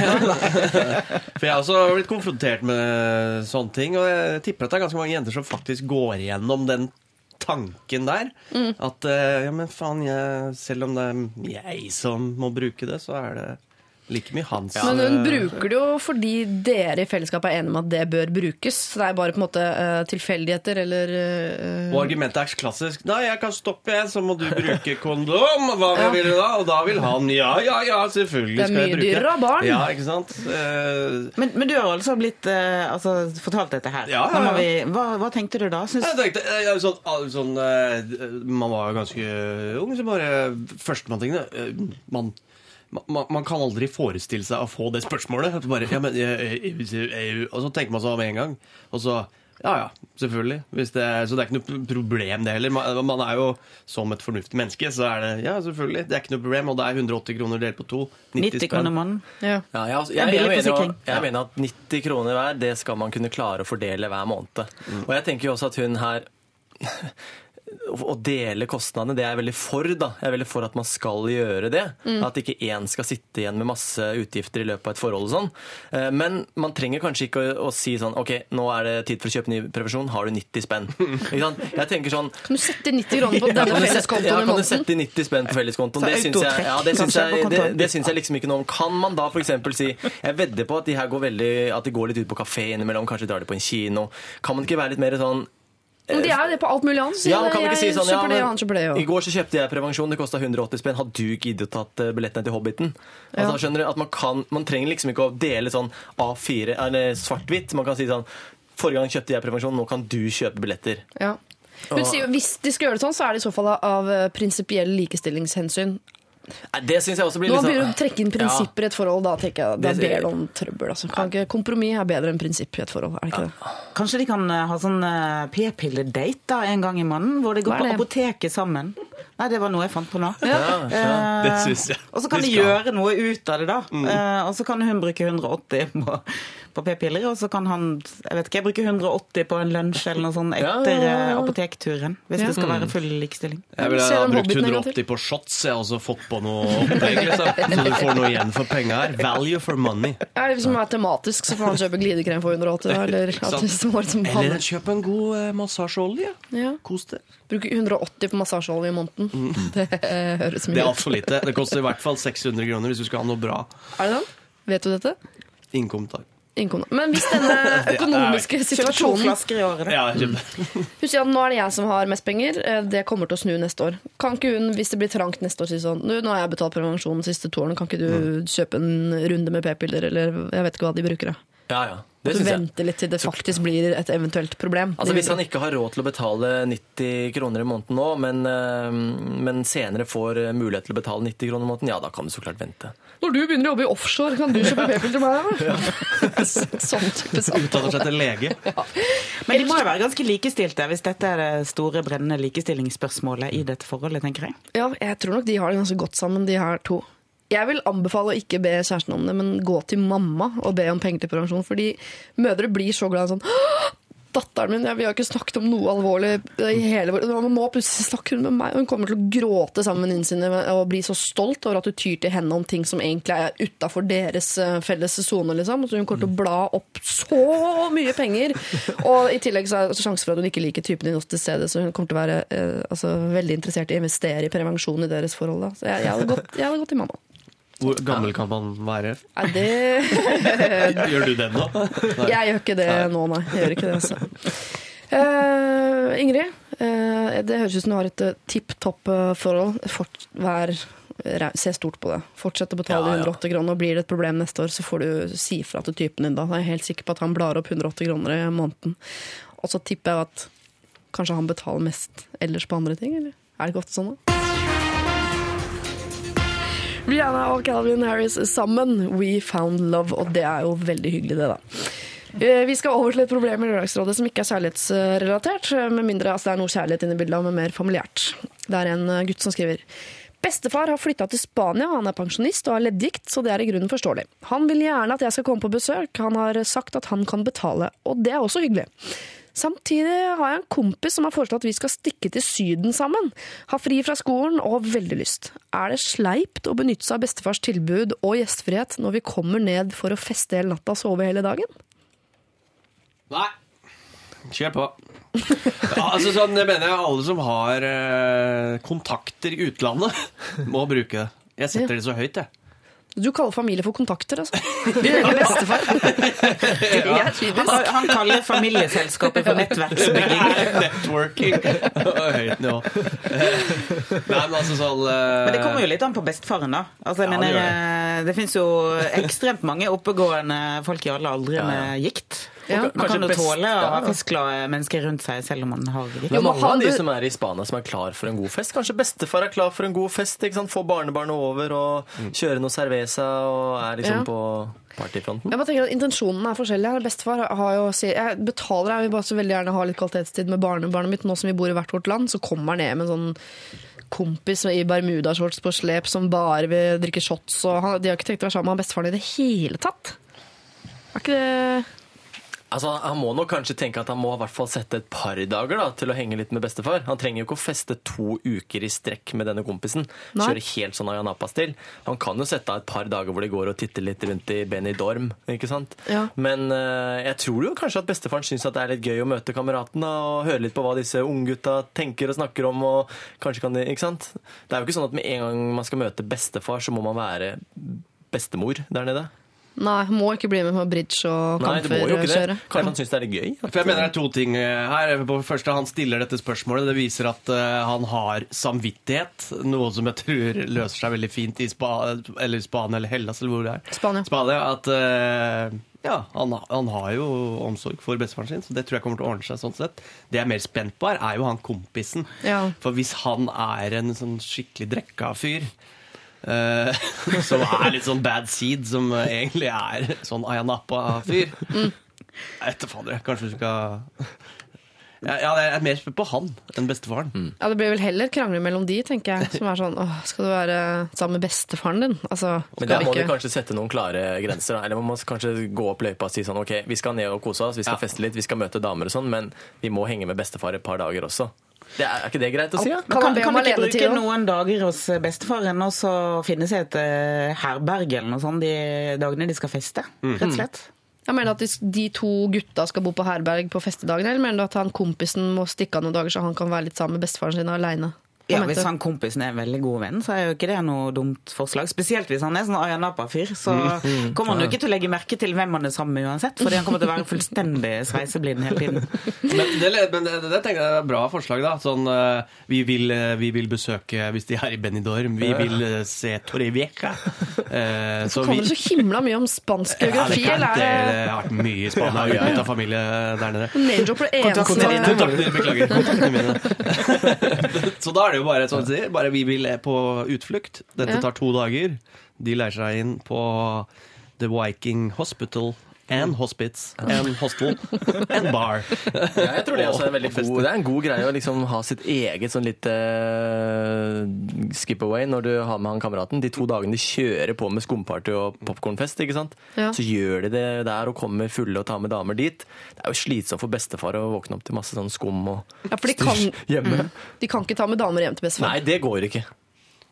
Altså folk, som du sier, folk i Spania. Ja. Folk som har valgt å flytte til Spania. Ja. Jeg tror de setter pris på skum, damer og alkohol. Ja, de gjør det. Er det Rakstad som prater nå, eller? Ja, dette er østfoldingen som eh, vet at de setter pris på alt av moro. Ja, Så dere gir tommel opp, altså? Benytta den gratis flybilletten og den gratis losjien nede hos bestefar. Og, men og hør med han Han veit vel antagelig som bestefaren er en sånn skumpartyfyr. Tenker det er sånn, sånn vinn-vinn-situasjon. Bestefaren blir eh, glad. De får seg en tur til Spania og kan feste litt, men vis hensyn. Og han har jo allerede, som du sa, Martin, vist hensyn eh, ved å faktisk eh, sende dette spørsmålet til oss og lurer på hvordan bestefaren vil ta er det, litt, det er litt synd da, hvis man reiser ned dit og så besøker bestefar, og så tror man liksom at man skal sette seg ned en, en uke og spille bridge og ikke sant, lage, spise kaker, og, og så på slutten av uka så sier bestefar jeg skjønner ikke hvorfor dere ikke drar på skumparty! ikke sant? Og så bare, hæ? Og så er liksom hele ferien, hva? Du sier bridge, ja. Det gjør det. Ja, Bridge. Bridge. Ja, bridge, ja. ja. Unnskyld, feil sted å henge seg opp i. Var ikke dit vi skulle. Eh, Du får tommel opp fra alle tre rådgivere, høres ut som her. Dra til Spania, besøke bestefaren din, men rydde opp litt i rekkene, både med kompisen og med bestefaren, hva som er liksom, hva dere skal, og gjør litt, litt skum og litt bridge, da, som jeg liker å si. Eh, Vi skal, at dette synes jeg er en fin overgang, vi har ikke tenkt å si hvorfor, vi får tenke litt på det selv. Fra Spania og fest til Synne Sanden, dette her altså. Sondre Lerche, two-way monolog har vi hørt. og Vi har også hørt eh, Synne Sanden, The King in My Kingdom. Vi skal ta et eh, problem som har tatt, eh, hele, altså, tatt turen fra Skien og hit ja. til oss. Den lengste bilturen man kan ha i Norge, tror jeg. Mm. Skien-Oslo? Ja, med mindre sånn, som man må kjøre bil. Og ikke annet kollektiv, fly eller tog eller sånn. Jeg skjønner ikke hva du mener. Nei, det tar så lang tid. Det eneste sånn, hadde, hadde, Du kommer deg ikke til Skien med annet enn bil. Skjønner. Eh, og hvis du skal et hakk videre, så er det liksom ah, men Da tar du bare et tog, så tar det mye kortere tid. Nå går jo på tog til Porsgrunn. Det er Ja, jo i det. baklomma til Skien. Men det er så langt. Jeg beklager, det er bare noe jeg Det er mitt Kan jeg sende det inn dette problemet? Hvorfor er det så langt til Har Skien? det en snikreplikk inn i intercity-tog-debatten? Ja, Dobbeltspor osv. fra- Sponset av Bård eh, mm, Hoksrud. Bård Hoksrud. Skien-Oslo. 40 minutter. Oi, oi. Eh, ok, eh, dette er da eh, Henrik fra Skien som har sendt inn. Hei, Lørdagsrådet. To venner av meg har gått hvert i sitt etter å ha vært sammen i mange år. De har en liten sønn sammen som de nå har annenhver uke. Tonen dem imellom er så der, men det er normalt det første året etter et samlivsbrudd. Det som irriterer meg som venn, er at det virker som de konkurrerer på Facebook. Når sønnen er hos moren, er det full idyll på Facebook, og uka etter svarer faren med enda mer hverdagslykke. Jeg har mest lyst til å sende dem en skarp mail begge to og be dem skjerpe seg, men har foreløpig latt det ligge. Hva syns dere jeg burde gjøre? La de holde på og drite seg ut foran alle vennene sine, eller eh, satse på at det går over? Eller så skal han da sende denne mailen, rett og slett. Mm. Er det sånn at alle vennene opplever det samme som han? At, at man nå driver og konkurrerer og prøver å vise liksom de aller, aller fineste Kodak moments hele tiden på Face og Instagram og alt som fins? Eller er det eller har de det så fint? Ja, for det, jeg synes Det høres ut som det oppfører seg som absolutt alle andre gjør på Facebook og Instagram. Nemlig å vise frem smørsiden, og så skjule den raknede strømpebuksen og eh, walk of shame og alt det der. Er ikke det her liksom Facebook-frøkna? Hvor alt er bra, men du, du kan jo Å, du, du, du føler mørket som ligger under der. Jeg veit ikke hva man skulle gjøre som venn. Jeg syns jo dette høres utrolig morsomt ut. da Å sitte og se på det her og bare sånn Hva er det dere driver med, jævla idioter? Det er fullstendig Men det kan jo hende han, han prøver dusteri. egentlig eh, Han føler at de burde kommunisere bedre sammen. Ja, og eh, At dette er dysfunksjonelt eller noe sånt. Men da går det jo langt eh, Da må man jo lengre inn enn en Facebook-profil. Men hvem er det som taper noe på dette her, tenker jeg. Fordi på Facebook er det jo bare gøy for vennene å sitte rundt og klappe som selunger og tenke ja, se på det. Og for barnet, dette, denne sønnen må ha det helt topp, fordi foreldrene konkurrerer og han kuleste uka fra uke til uke. Så han, altså, han er jo på en, altså, rollercoaster i livet sitt for øyeblikket. Jeg, jo- jeg skjønner altså- ikke, jeg ser ikke helt problemet. Det er vel på en, altså, Hvis disse to nå konkurrerer mot hverandre om å, ha, om å ha fått det beste livet etter samlivsbruddet, ikke Ja. sant? og at de hele tiden skal vise at vi har vært der, jeg har det så fint med venninnene, sånn og sånn gjør vi det, eh, så tenker jeg at det er utrolig kjedelig for dem to som et sånt forhold som skal samarbeide videre. da. Ja. Veldig kjedelig for de å måtte hele tiden eh, konkurrere for å få en sånn eh, tilbakemelding fra venner at 'Å, så fint du har det fått det, og hyggelig', og Men kommer ikke dette å gå over? Altså, det kan jo ikke eskalere i ikke dette er helt sånn naturlig handlingsmønster etter et samlivsbrudd, egentlig? Og prøve å dekke over og Nei, se, nå har jeg jaggu fått det sinnssykt bra etter jeg forlot deg, eller Jo. Ja, Eller så har du den helt motsatte, som vi snakket om. de der sånn, Nei, faen, i helvete, nå er det forferdelig å gå rundt her og bare skrive det på Facebook.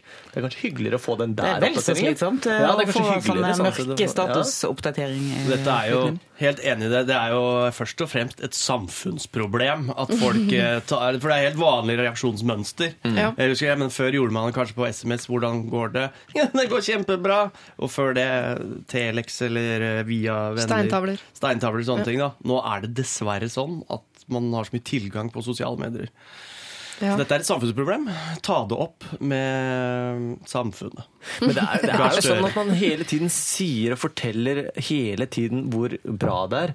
Altså, Hvor bra i 2012 har ikke folks frokost vært? Den har vært helt fantastisk! 2013.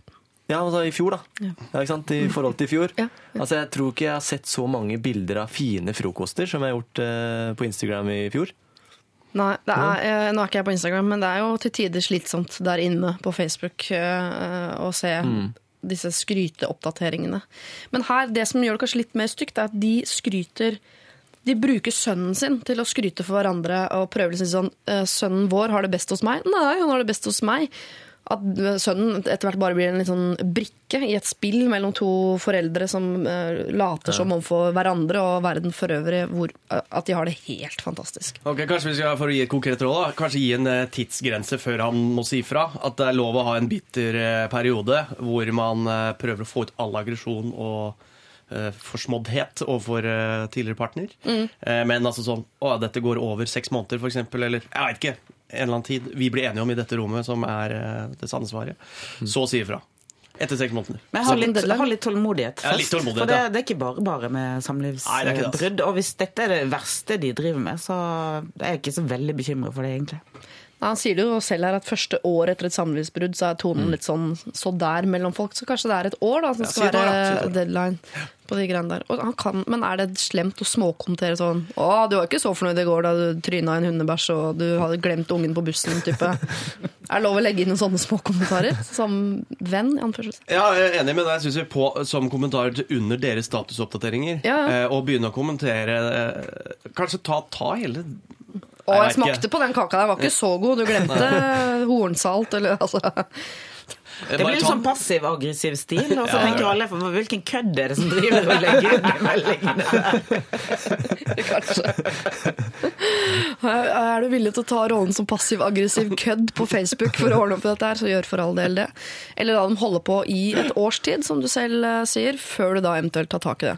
Og eh, da, da syns jeg du kan ta det opp med dem, men mer som et sånn et samfunnsproblem enn bare å, å gi det til disse to menneskene spesifikt. Lørdagsrådet på P3. Nekter å avbryte Adele.